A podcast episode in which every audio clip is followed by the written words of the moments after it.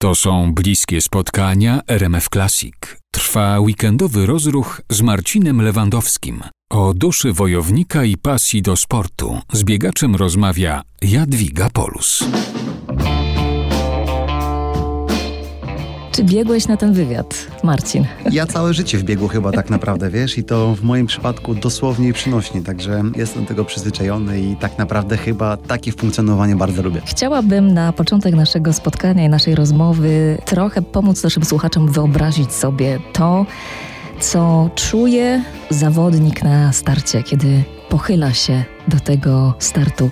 Te najważniejsze starty masz już za sobą, ale pewnie te emocje i te uczucia no, żyją gdzieś jeszcze w głębi serca i pamięci. Jak to wspominasz? No wiesz co, no właśnie w lekkiej, w mojej profesji, w biegach średnich, to zawsze największy chyba stres właśnie był bezpośrednio już przed samym startem. Nie to, że cały dzień oczywiście, wiadomo, to im ważniejszy start, to gdzieś tam się wkotłowało w głowie, w, w ciele po prostu. Gdzieś to z nami ciągle było, towarzyszyło, ale najgorszy moment chyba jest, kiedy stoimy na linii startu. Tam po prostu tyle emocji nam towarzyszy dookoła, myśli dziwne, a co będzie, jak się nie uda, a, a co powiedzą kibice, a co powiedzą sponsorzy y, jak wypadnie w ogóle bieg się potoczy, czy będą mhm. przepychanki, czy łatwo przejdę do kolejnej rundy na przykład, czy nie. No naprawdę tego jest milion myśli mm, i, i dookoła jeszcze, no wiadomo, zdarzały się starty nawet y, z 80-tysięcznym y, tłumem kibiców na trybunach, także na pewno to wszystko stresuje, ale o tyle fajnie, to mnie zawsze pocieszało stojąc na tej, na tej linii startu, mhm. że w momencie strzału, kiedy jest już strzał, całkowicie o wszystkim zapominamy. Już nie ma znaczenia, co to było, co to będzie. Wtedy koncentrujemy się na biegu i, i po prostu dostajemy drugie życie, że tak powiem, przynajmniej przynajmniej ja tak zawsze miałem, także po, po momencie strzału przez startera wszystko chowałem w kieszeń, zapominałem o wszystkim i już toczył się bieg, toczyła się walka. Ale to znaczy, że w, w tamtej chwili, kiedy usłyszałeś ten strzał, jakby stajesz się kimś jakby trochę innym? Ja zawsze chyba jestem fighterem i to nie ma znaczenia w jakiej sytuacji życia, nawet codziennego się znajdę. Ja po prostu taki jestem i chyba do każdej sytuacji podchodzę e, dość poważnie. Znaczy w sensie ja oczywiście lubię się pośmiać i kiedy jest na to czas oczywiście, ale mhm. jeśli po prostu za coś się zabieram, e, to staram się zabierać na maksa i czy to jest życie prywatne, czy zawodowe, czy biznesowe, czy sportowe właśnie, to jeśli za coś się zabierałem, to zawsze na maksa. Także tak to chyba wyglądało. Pamiętam bardzo dobrze moment z Dochy 2019 roku Mistrzostwa Świata w lekkiej atletyce. E, ja tam chyba pierwszy raz wtedy w swojej karierze czułem coś takiego, że jestem po prostu maszyną. Ja byłem zaprogramowany bardzo mocno, długo współpracowałem z psychologiem e, sportowym Darkiem Nowickim i po prostu jadąc tam ja nie byłem po prostu Marcinem Lewandowskim. Ja byłem maszyną gotową do wygrywania po prostu, nastawiona na wygrywanie, tak zaprogramowaną. No i udało się, bo wróciłem z Doha z medalem Mistrza Świata, także e, to tylko i to wyłącznie potwierdza, ale chodzi o to, że wtedy pierwsza w życiu się czułem coś innego. Ja tam byłem maszyną gotową na wygrywanie. Ten start przeszedł do historii polskiej lekkoatletyki, nie tylko. No tak, fajnie było, było fajnie.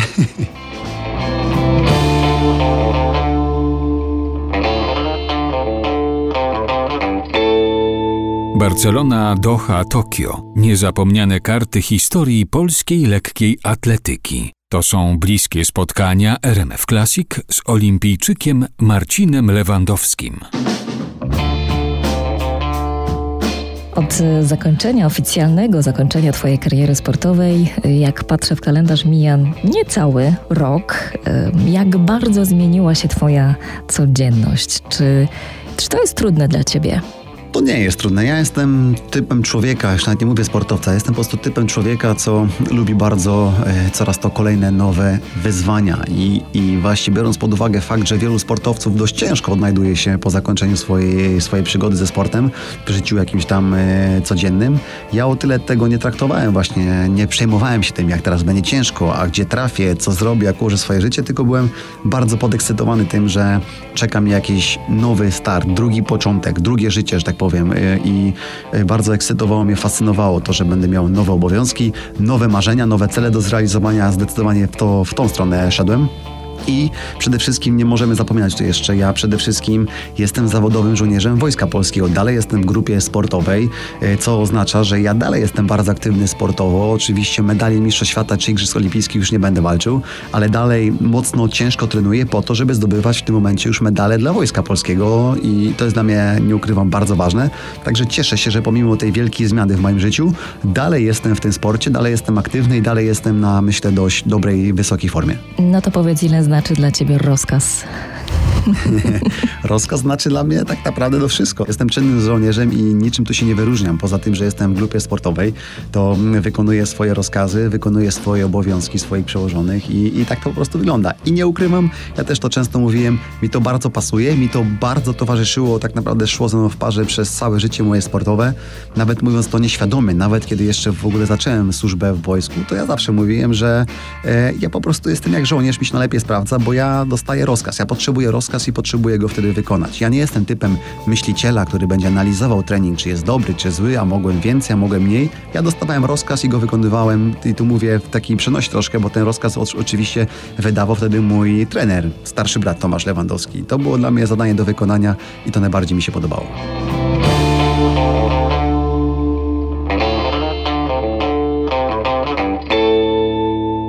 To są bliskie spotkania RMF Classic. Trwa weekendowy rozruch z Marcinem Lewandowskim. O duszy wojownika i pasji do sportu z biegaczem rozmawia Jadwiga Polus. Jesteś jednym naprawdę z najbardziej doświadczonych biegaczy na dwóch dystansach 800 i 1500. Mówię to specjalnie, bo nasi słuchacze w większości specjalizują się jednak w kulturze, mniej w sporcie, dlatego też warto to podkreślić. No i na obu dystansach łącznie, jeśli się nie mylę, 10 medali Mistrzostw Świata i Europy na stadionie i w hali. No i chciałam Cię zapytać, jak teraz na to spoglądasz znowu z tej perspektywy czasu, czy któryś z tych medali miał dla Ciebie naprawdę jakąś szczególną wartość, a jeśli miał, to na czym ona polegała i polega nadal? Wiesz co, no zanim odpowiem Ci na pytanie, to chciałem jeszcze tutaj powiedzieć, że mimo wszystko sport to jest pewnego rodzaju kultura, także nasza ta rozmowa tutaj, jak i sztuka, dokładnie, także ona jest w idealnym chyba miejscu się odbywa teraz w tym momencie. Mm, a jeśli chodzi o pytanie, nie jestem pewny, czy to było 10 medali, czy 9, czy może 12, ale to są te cyfry mniej więcej, tak. przy których to się kręci, tak. Wszystkie medale są dla mnie bardzo ważne, każdy jest bardzo ważny, dwa wyjątkowe. Pierwszy medal, złoty medal Mistrzostw Europy wywalczony w Barcelonie na Stadionie Olimpijskim 2010 rok, to wtedy można powiedzieć, że tak mocno z buta wszedłem e, w świat e, seniorowskiej lekkiej atletyki biegów średnich. Zacząłem się wtedy liczyć na świecie. Mm, to był na pewno bardzo fajny moment. Przede wszystkim no, byłem wtedy jeszcze bardzo młodym zawodnikiem i, i od razu tak olbrzymi sukces, także z pewnością ten medal był dla mnie i do tej pory jest bardzo ważny. No i chyba drugi to medal z Doha, medal Mistrzostw Świata na Stadionie Otwartym na 1500 metrów. Jest on dla mnie dlatego szczególny, że nie chodzi o to, że wróciłem stamtąd z medalem, tylko w sposób, jaki go wywalczyłem. Czyli, czyli mówimy tutaj o najszybszym finale rozgrywanym w historii lekkiej atletyki na 1500 metrów. I ja przy tym też oczywiście ustanowiłem swój nowy rekord życiowy, co za tym idzie nowy rekord kraju. Także w stawce, w jakiej to zrobiłem, w jakim biegu to potęguje tak naprawdę ten sukces. I to mnie chyba bardziej cieszy, że, że w tak trudnych warunkach, że tak powiem, w takim trudnym biegu potrafiłem go sobie wywalczyć, dlatego że po prostu byłem tam bardzo dobrze przygotowany, byłem jeden z lepszych biegaczy w tym momencie na świecie. To się stało w biegu, gdzie nie było w ogóle przypadkowości, to po prostu rozstrzygnęło to tempo bardzo mocnego biegu od samego początku, czyli po prostu kto był lepiej przygotowany, wrócił z medalem. No to chciałam na moment wrócić jeszcze do początków. Jak daleko sięgają Twoje wspomnienia, biegowe? Kiedy zorientowałeś się, że no, jesteś szybszy od innych? to znaczy, no, taka smykałka to chyba była od zawsze do sportu, nie tylko do, do lekietyki. Ja wcześniej grałem też w piłkę nożną. Może nie byłem jakimś królem szczelców u siebie, ale, ale grałem też w kadrze makroregionu w piłce nożnej. To też już to znaczy, że, że jakaś ta smykałka na pewno była. Reprezentowałem szkołę, pamiętam, w każdej możliwej dziedzinie, jaka tylko była sportu. I, i w koszykówkę, i w, i w siatkówkę, i w piłkę ręczną, i właśnie w lekkiej atletyce. Także naprawdę po prostu jakaś ta smykałka do uprawiania sportu była od zawsze. A, a sama lekka to wyszło to z, w czasie jednego z wyjazdów na zawody szkolne. Nie ukrywam, że wtedy jechałem tam po to, żeby po prostu nie pójść do szkoły tego dnia, była możliwość zerwania się z lekcji, żeby pojechać na zawody, bo ja wtedy jeszcze nie lubiłem biegać, taka jest prawda. Wtedy byłem jeszcze właśnie, grałem w piłkę nożną jako młody zawodnik. Pojechałem na te zawody i plan był taki przede wszystkim, żeby zacisnąć zęby, złapać się chłopaku, złapać się tam czołówki, stawki i, i lecieć za nimi jak najdłużej, do ilu będę miał siłę metrów dociągnąć, to, to jest super. Koniec końców skończyło się tak, że wygrałem ten bieg, zrobiłem jeden z lepszych wyników y, w kraju, był to wtedy rekord makroregionu i tak naprawdę z dnia na dzień rzuciłem piłkę nożną, zacząłem biegać, także można też powiedzieć, że po części to jakiś tam wtedy no, mały sukces spowodował to, że wybrałem lekką atletykę.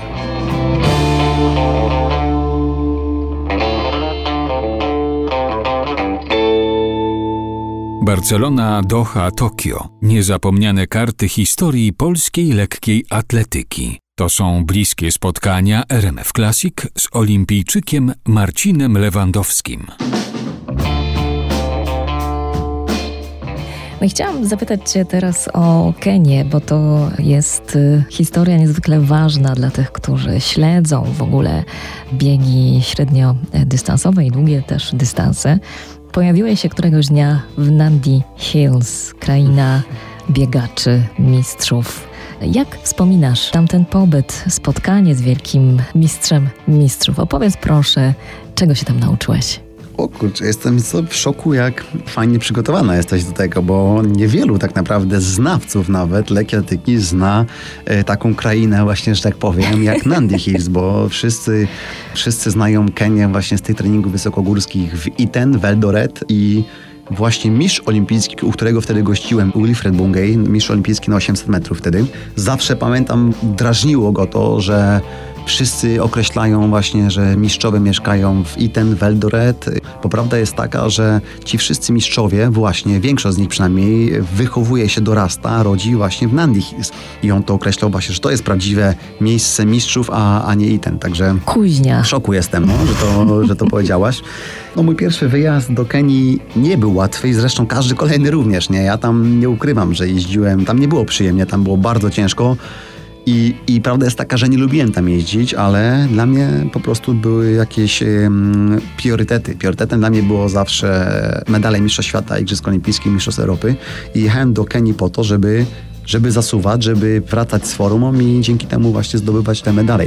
I jechałem tam po prostu do ciężkiej pracy, do ciężkiej orki, klapki na oczy wtedy zakładałem, zaciskałem zęby i zasuwałem, ale sam pobyt na miejscu był bardzo ciężki, trudny i w tym momencie teraz też się wiele zmieniło, bo to się stało znane miejsce, sławne, ludzie tam jeżdżą z całego świata trenować, także te warunki tam mieszkalne i po prostu i, i cała otoczka są dużo lepsze niż były tam 15 lat temu, jak byłem pierwszy raz a żeby wam to jakoś tam troszeczkę bardziej e, przybliżyć. Po, przybliżyć dokładnie, no to no po prostu jadąc tam, tam przede wszystkim nie było hotelu żadnych, nie? Ja dlatego mieszkałem wtedy w domu rodzinnym tego mistrza olimpijskiego z jego rodziną, dziećmi, rodzicami i tam po prostu nie funkcjonowałem.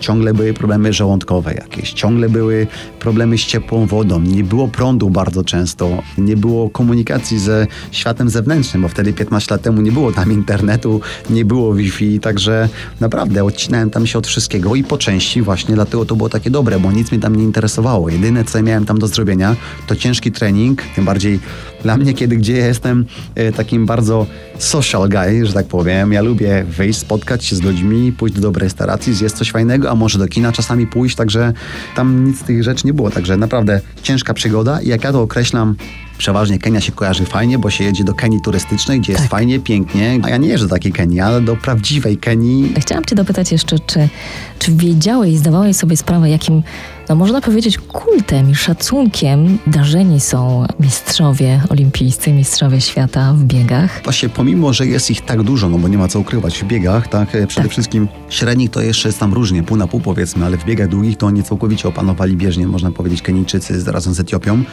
I pomimo tego, że mają tak wielu tych mistrzów olimpijskich, to, to tak jak powiedziałaś, oni są bardzo szanowani. Oni są mega znani.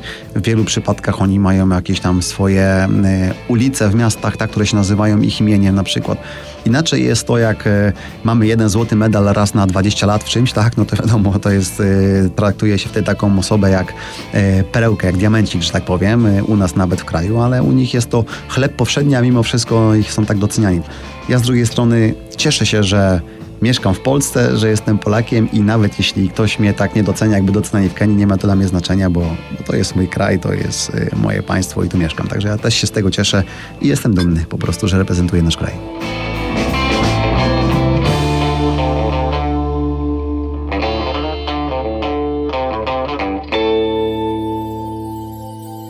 Życiu na bieżni i poza nią. W bliskich spotkaniach RMF Classic opowiada Marcin Lewandowski, wielokrotny medalista Mistrzostw Świata i Europy. Pytanie podchwytliwe, ale jestem przekonana, że część naszych słuchaczy jeszcze nie wie, jaką ważną częścią Twojej kariery było czwarte miejsce. Z czym ci się kojarzy ten numer? No, ja na świecie często byłem właśnie gdzieś w tym świecie lekkiej atletyki. E, mój taki nickname, że tak powiem, często za granicą mnie mówili Mr. Ford Place. A to dlatego właśnie, ty już wiesz, znasz moją historię, ale słuchacze właśnie myślę, że w większości zdecydowanej nie. Chodziło konkretnie o to, że ja na swój medal, pierwszy medal Mistrzostw Świata czekałem wiele lat. Tak naprawdę pierwszy raz się otarłem, y, styknąłem z tym medalem, tak powiem, w 2006 roku, jadąc na Mistrzostwa Świata Juniorów do Pekinu. Wtedy w finale byłem jedynym Europejczykiem i przekroczyłem właśnie linię mety na czwartym miejscu. I potem z biegiem lat to czwarte miejsce towarzyszyło mi naprawdę e, mnóstwo razy. I nie mówię tutaj o meetingach Diamentowe Ligi, które są oczywiście bardzo prestiżowe, bo to mimo wszystko jest tylko meeting. Mi to czwarte miejsce towarzyszyło przez wiele lat y, na Mistrzostwach, Mistrzostwach Świata. Świata. Tak jest. Świata, Europy też. Y, na pierwszy swój medal Mistrzostw Świata czekałem od 2006 roku do 2018, czyli aż 12 lat, a po drodze chyba około tam pięciu razy towarzyszyło mi czwarte miejsce, a raz, y, jak dobrze wiesz, pamiętasz, bo rozmawialiśmy o tym, Zdobyłem w końcu swój upragniony medal Mistrza Świata, po czym okazało się koniec końców, że zostałem zdyskwalifikowany, bo przekroczyłem gdzieś tam linię swojego toru w czasie biegu. Także chodzi o to, że to mi towarzyszyło mnóstwo, mnóstwo przez wiele, wiele lat a ja się ciągle podnosiłem, ciągle wstawałem, brałem to yy, na barki, wstawałem jeszcze silniejszy, aż w końcu doczekałem się. Jak się doczekałem, to już ten worek z medalami, że tak powiem, został otworzony i potem już było tylko i wyłącznie lepiej, lepiej, ale sam fakt, że czekałem na to 12 lat, to tylko pokazuje, jak długa, ciężka i kręta była ta moja droga, żeby osiągnąć w końcu sukces. A przez te 12 lat... Yy przychodziły takie autentyczne chwile zwątpienia. Mm, pamiętam raz właśnie miałem taki moment y, zwątpienia swoją, swoją karierę, właśnie kolejny, kolejny raz, gdzie przekroczyłem linię mety czwarty na Mistrzostwach Świata. To już był wtedy, to był chyba trzeci albo czwarty raz w tym momencie, Moskwa 2013. Pomimo tego, że wszystkie znaki na niebie pokazywały, że ten medal w końcu będzie mój, chodzi mi tutaj o to, że Finał Mistrzostw Świata miał odbyć się w Moskwie 13 sierpnia 2013 roku. Ja się urodziłem 13, ciągle podkreślałem, że pechowa 13 jest moją szczęśliwą e, liczbą i miałem formę życia wtedy, także byłem pewny, że ten medal wyhaczę. Pomimo tego, że oddałem świetny bieg, ukończyłem e, rywalizację na 800 metrów z czasem 1.44.08, to jest naprawdę top, top na świecie, a mimo wszystko znowu byłem czwarty w tym finale, także byłem załamany wtedy pierwszy raz i chyba ostatni tak naprawdę. I pomyślałem właśnie, że może warto jest kolce odwiesić już y, na kołku, na ścianie w domu i może zacząć robić coś innego.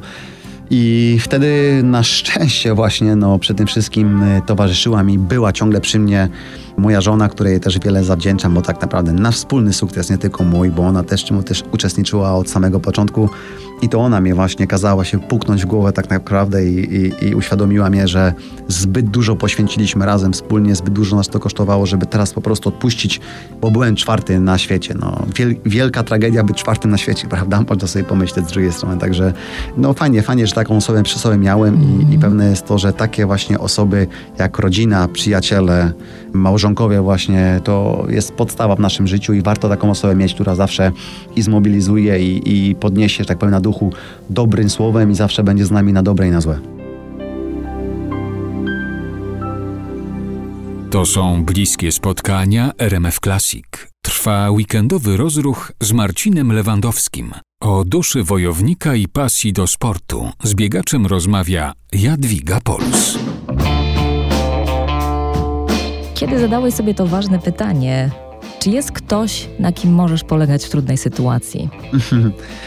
Wsparcie najbliższych to jest podstawa i, i, to, i to każdy z nas powinien taką osobę mieć, ale mm, przytoczę tu też jeden przykład właśnie, że oprócz rodziny po prostu jak ważne jest wsparcie swoich bliższych, jak budując coś nowego, wchodząc w jakiś nowy projekt, jak dobrze po prostu mieć dobrze dobraną właśnie ekipę, na ile ona jest ważna i na ile potrzebna, no to przytoczę tutaj taki przykład właśnie jak e, po raz kolejny, tu się powtarzam, e, przekroczyłem linię mety na czwartej pozycji na Mistrzostwa Świata w dalekim Degu, w całkowicie innej kulturze, w całkowicie innej strefie czasowej.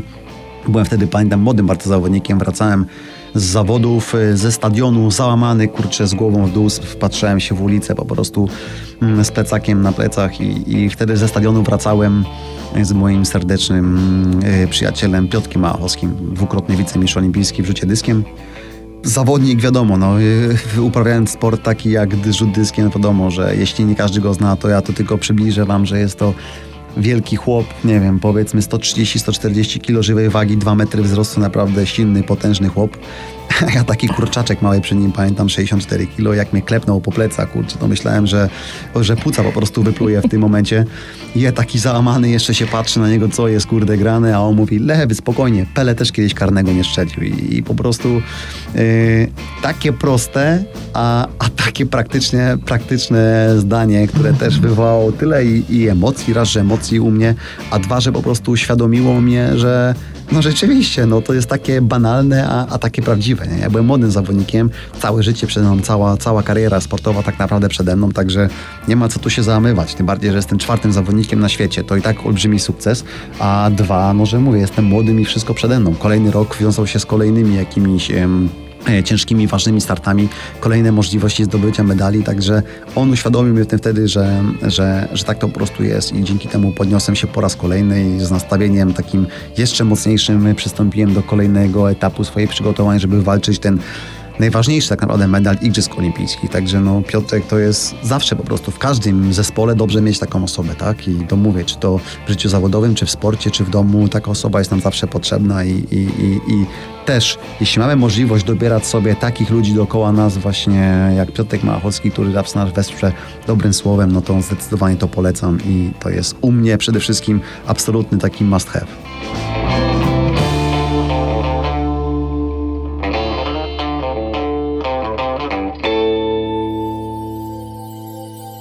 Życiu na bieżni i poza nią.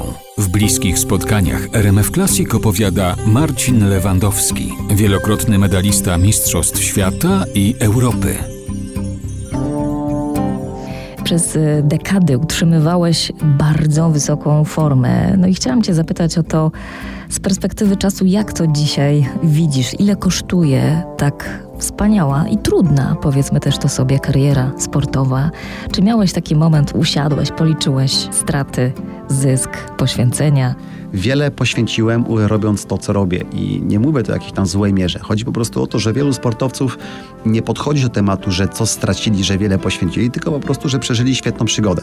Ja oczywiście też to podtrzymuję. Przeżyłem świetną przygodę, niesamowitych chwil doświadczyłem, ale nie ukrywam, że dla mnie było to olbrzymie poświęcenie. I pomimo tego, że jestem szczęśliwym, spełnionym sportowcem, człowiekiem, to wiele, wiele poświęcałem, a głównie mam tutaj na myśli yy, no chociażby no, momenty w życiu, które straciłem. Nie chodzi o ciężki trening, który był naprawdę naprawdę mm, orką straszną. Chodzi o to o piękne momenty, które straciłem.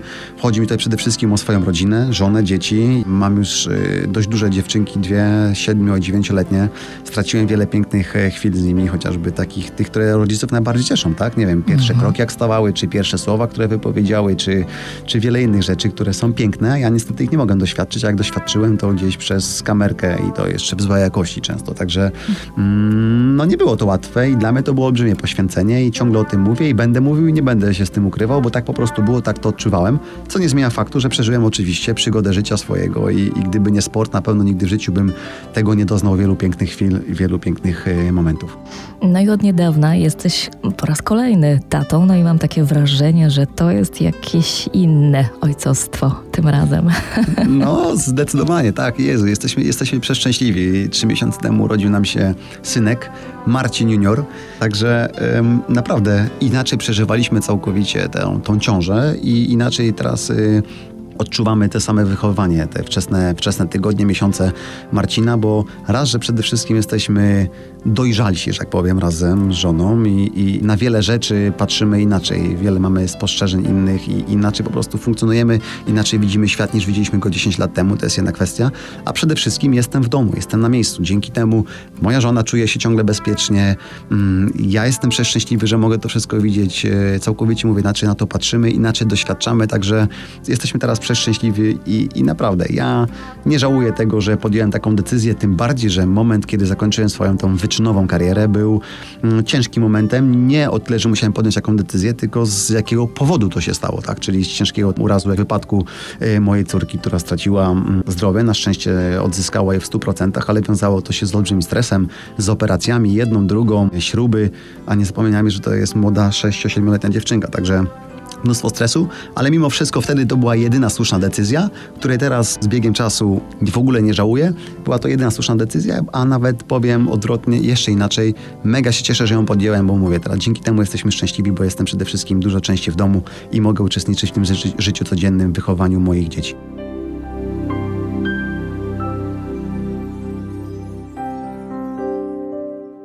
O życiu na bieżni i poza nią. W bliskich spotkaniach RMF Classic opowiada Marcin Lewandowski, wielokrotny medalista Mistrzostw Świata i Europy.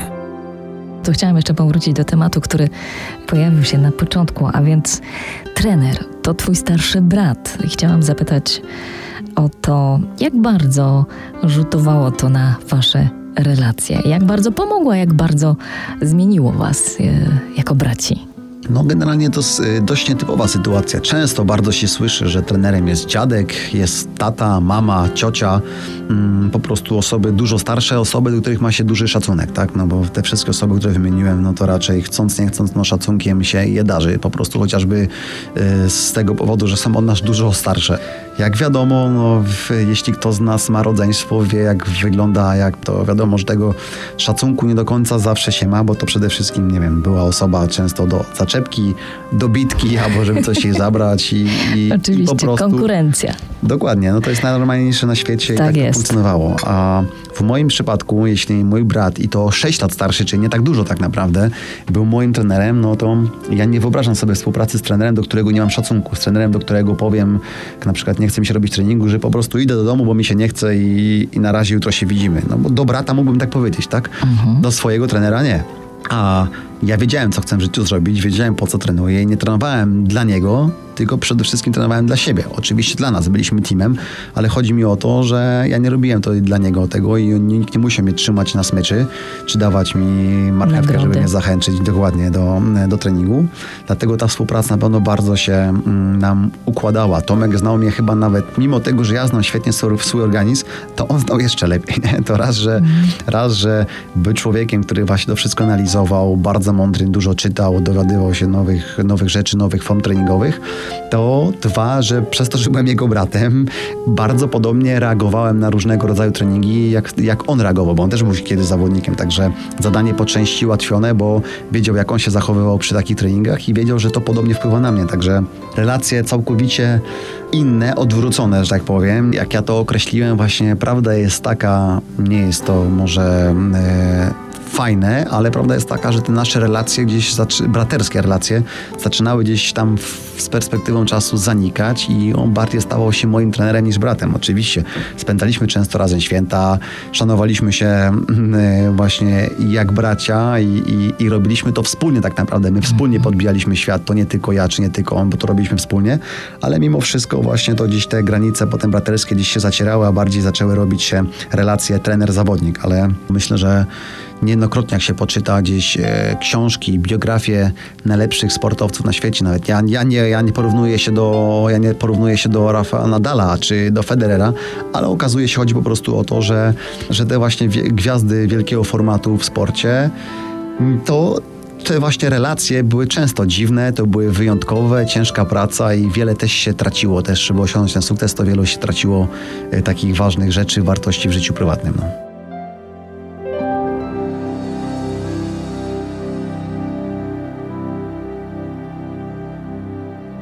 To są bliskie spotkania RMF Classic. Trwa weekendowy rozruch z Marcinem Lewandowskim. O duszy wojownika i pasji do sportu z biegaczem rozmawia Jadwiga Polus. W którym momencie ty wiesz, że musisz przyspieszyć na ostatniej prostej? Kiedy ten impuls przychodzi? Jak to wygląda w praktyce? Jak, jak biegniesz, jak walczysz, jak jest ten moment takiej walki o wszystko? Przede wszystkim raz jest, raz, że przed każdym biegiem jest jakaś taktyka i tak naprawdę tych taktyk ja zawsze miałem szykowanych kilka gdzieś w zanadrzu miałem, bo różnie potoczą się biegi. Czasami są właśnie szybsze, wolniejsze, czasami biegnę z tyłu, z przodu, czasami jestem zamknięty, czyli w boksie, jak to też potocznie u nas mówimy, zamknięci jesteśmy w takim boksie. Mm, także tych wariantów w czasie na, na bieg jest e, kilka, ale ja przede wszystkim już ze swoim doświadczeniem na przestrzeni tam paru lat, będąc tam, obiegując się na, na tych, na zawodach, to tak naprawdę bieg już czytałem, nie? W sensie ja biegnąc y, nie musiałem nawet patrzeć na swoich zawodników. Ja ogólnie widziałem, jak oni się zachowują w czasie biegu, jak oddychają, jakie ruchy podejmują i dzięki temu też y, na tyle byłem, mówię, doświadczonym zawodnikiem, że to czytałem i wiedziałem, co się zaraz stanie, kto zaraz zaatakuje, a kto już nie ma siły, a kto ma dzisiaj lepszy dzień czy gorszy. To się po prostu w czasie biegu czuło y, i widziało, przynajmniej z tym moim doświadczeniem. Także Niesamowite. No, to właśnie może dziwnie brzmi, ale naprawdę to się nawet po oddechu widzi, jak twój rywal teraz funkcjonuje. My się znamy, tak? My biegaliśmy razem mnóstwo biegów i, i, i, i my znamy swoje taktyki. Każdy ma swój sposób biegania. Właśnie niektórzy lubią biegać z przodu, niektórzy z tyłu. A w czasie biegu, kiedy widzimy, że jest z nimi coś nie tak, chociażby właśnie to, że biegną z tyłu, a zawsze biegają z przodu, to to jest jakiś, jakiś znak. My to już widzimy. Ja o tym też nie myślę. To się dzieje wszystko automatycznie w podświadomości. Jakiś podejmuje swoje kroki, decyzje. I, no i chyba tak to po prostu wygląda. Obserwuję swoich, swoich rywali. Przede wszystkim sam znam też siebie, swój organizm, wiem jak się czuję, wiem kiedy mogę zaatakować, e, wiem kiedy muszę poczekać do ostatniego wirażu, czy kiedy może pozwolić sobie na to, bo czuję się na tyle mocno i widzę swoich rywali, że mogę spokojnie poczekać do ostatnich 100 metrów, a może czasami bywało tak, że wychodziłem już na ostatnie koło przed, przed zakończeniem biegu. To też było różnie, naprawdę taktyki były różne, ale przede wszystkim bardzo mocno i czujnie obserwowałem to, co się dzieje w czasie biegu.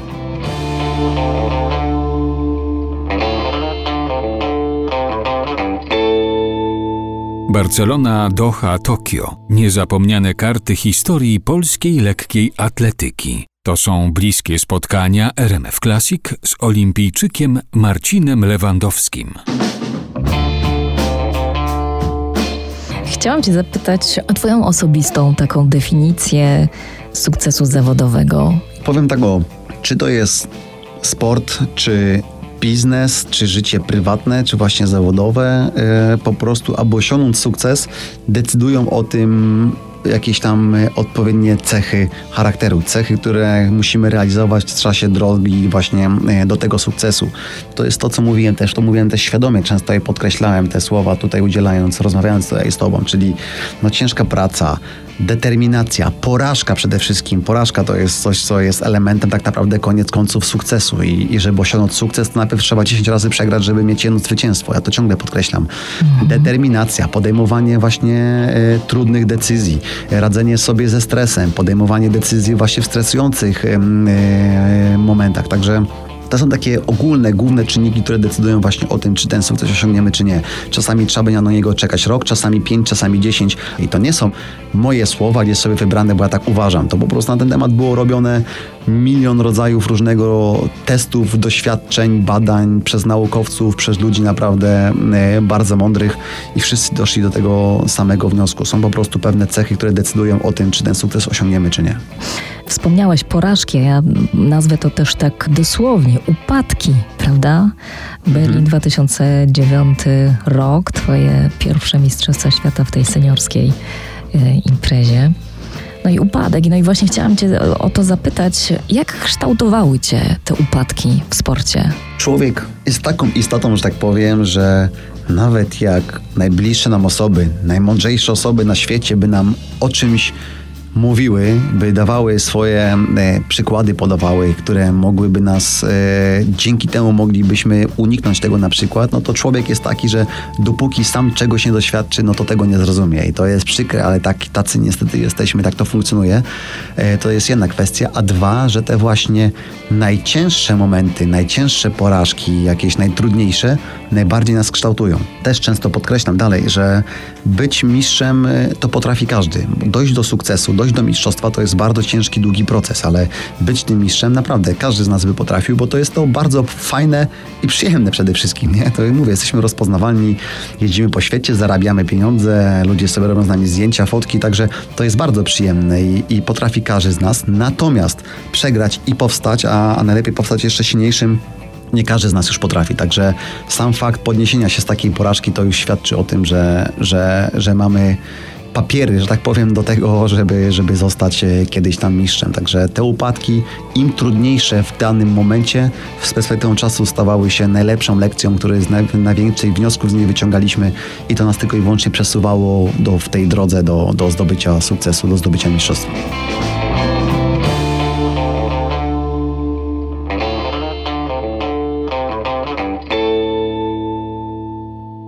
Barcelona, Doha, Tokio. Niezapomniane karty historii polskiej lekkiej atletyki. To są bliskie spotkania RMF Classic z olimpijczykiem Marcinem Lewandowskim. Chciałabym wspomnieć te obrazy, które no, zostawiłeś nam na długo, na zawsze właściwie, te ostatnie obrazy rok 2020, Tokio, Igrzyska. Wtedy kibicowaliśmy Tobie.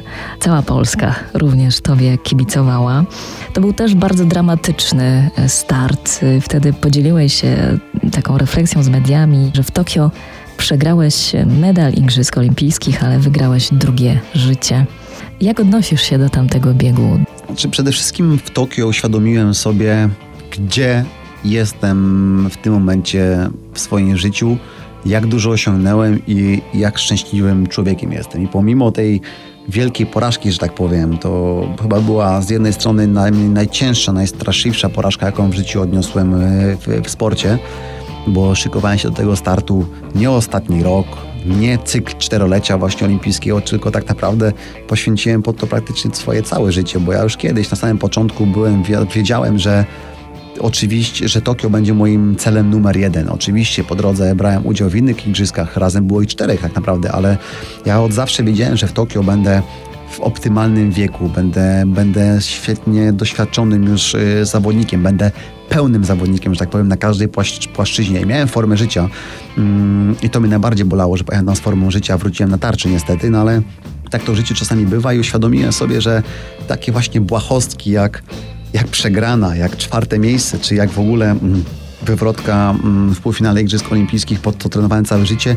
Jak błahe są to sprawy w stosunku, w porównaniu do prawdziwych problemów, z którymi mierzą się miliony ludzi na co dzień, tak? Chociażby śmierć właśnie bliskich, czy nie daj Boże śmierć dzieci, czy ciężkie choroby. To są prawdziwe tragedie. Wtedy sobie uświadomiłem, jak szczęśliwym człowiekiem po prostu jestem i i też pamiętam właśnie po moim tym starcie, gdzie się przewróciłem, gdzie, gdzie wiadomo, no, tragedia dla mnie to była życiowa, napisał mi wtedy mój brat Tomasz, bo nie był wtedy tam razem z nami, bo wtedy w tym momencie moim trenerem, zmieniłem trenera z różnych tam przyczyn, był Piotr Krostowski i Tomek mi wtedy napisał właśnie takiego fajnego SMS-a, a tak naprawdę całą powieść yy, o pasterzu, tak powiem. Tej całej historii teraz nie chcę przytaczać, ale chodzi o to, że yy, uświadomiłem sobie właśnie, że to, co się dzieje, nie wiemy, czy w tym momencie te największe tragedie, które przeżywamy, y, mogą w perspektywie czasu być naszym błogosławieństwem, a z kolei największe sukcesy, które teraz osiągamy, mogą w perspektywie czasu być dla nas y, jakimś tam przekleństwem, że tak powiem. Także mhm. nie wiadomo, co nas w życiu czeka.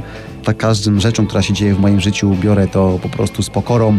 Na klatę, że tak powiem, dalej idę przed siebie, bo nie wiem, czy w przyszłości te, te całe nieszczęście, ten wielki pech nie da mi zbawienia po prostu, że tak powiem. No i Chyba tak to można spuentować.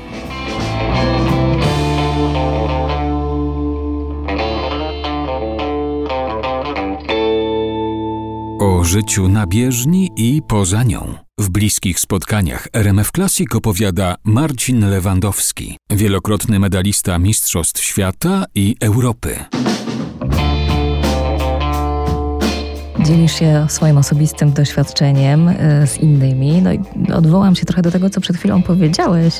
Hard decision, easy life. Easy decision, hard life. Tak to jest, jest, no to jest złota maksyma Marcina Lewandowskiego. Uwielbiam, uwielbiam to. Mm, naprawdę kiedyś gdzieś to, gdzieś to usłyszałem i, i wziąłem to bardzo mocno i wykorzystuję to praktycznie na każdej płaszczyźnie swojego życia. No, ciężkie decyzje zawsze, jak sama nazwa mówi, nigdy nie są łatwe, no bo są ciężkie.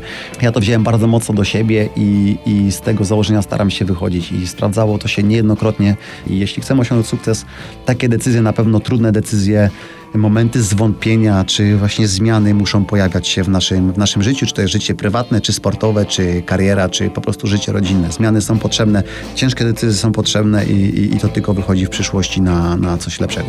A co powiedziałbyś tym, którzy prawie się poddają albo już się poddali? Ja oczywiście walczę zawsze i ta moja cała historia, właśnie podając moją historię od samego początku do końca, no to byście dowiedzieli się właśnie, że tych porażek było dużo więcej, a mimo wszystko niż sukcesów, a mimo wszystko się nie poddawałem, że ciągle dożyłem do celu. Także ja taki po prostu jestem. Ja nie boję się porażek. To też był moment, kiedy właśnie dużo się zmieniło w moim życiu, w momencie, kiedy uświadomiłem sobie, że, że tych porażek się nie boję, że, że to nie ma dla mnie większego znaczenia, to jest jakaś dla mnie kolejna lekcja, kolejny krok. Jestem bliżej po prostu do osiągnięcia swojego celu, do zdobycia sukcesu, do zdobycia mistrzostwa, ale no kiedyś też, kiedyś przychodzi ten moment, kiedy trzeba zrezygnować, tak? I to wcale nie, zna, nie oznacza porażki. Gdy to, że coś się przerywasz, zakończa się jeden etap w życiu, to nie znaczy, że, że to ma być porażka. Właśnie to może być olbrzymim sukcesem. Czasami zrezygnowanie z czegoś wymaga dużo więcej jakiegoś tam, nie wiem, ciężkiej decyzji, czy, czy tak naprawdę określa nasz olbrzymi sukces, kiedy z czegoś rezygnujemy. Także rezygnacja wcale nie oznacza porażki. No to po prostu trzeba wyczuć ten moment, yy, wiedzieć na to sobie można pozwolić, czy nie. Pewne jest to, żeby dojść do sukcesu, czeka nas dużo bólu, dużo ciężkich chwil, a, ale to jest taka tak naprawdę normalna kolej rzeczy. A co dzisiaj się dzieje z dzienniczkiem treningowym, Marcin? Leży, leży sobie w szafie i czeka na nie to, że lepsze czasy, ale po prostu na odpowiedni moment być może, żeby kiedyś je wziąć, przeanalizować, a może podzielić się z nimi tą całą moją wiedzą z, innymi, z innym pokoleniem, młodszym pokoleniem, żeby zobaczyć, to kiedyś wyglądało. Na razie sobie spokojnie czeka, jeść nie woła, że tak powiem, także Kiedyś może przyjdzie taki moment, gdzie sam przede wszystkim będę chciał tam zerknąć sobie i, i, zobaczyć swoje treningi, bo czasami gdzieś tam wracam do takich wspominek, to rzeczywiście wygląda to imponująco i aż sam się łapię za głowę, jak byłem w stanie wykonać taki ciężki trening. Także może kiedyś przyjdzie odpowiedni moment, gdzie sobie to wezmę, przeanalizuję i podzielę się z tą wiedzą przyszłym pokoleniom na przykład. Zobaczymy. Marcin Lewandowski, utytułowany biegacz średniodystansowy, gość RMF Classic. Bardzo dziękujemy za tą rozmowę pełną motywacji i e, praktycznych mądrości. Dzięki wielkie, Marcin. Dzięki bardzo, do usłyszenia, do zobaczenia.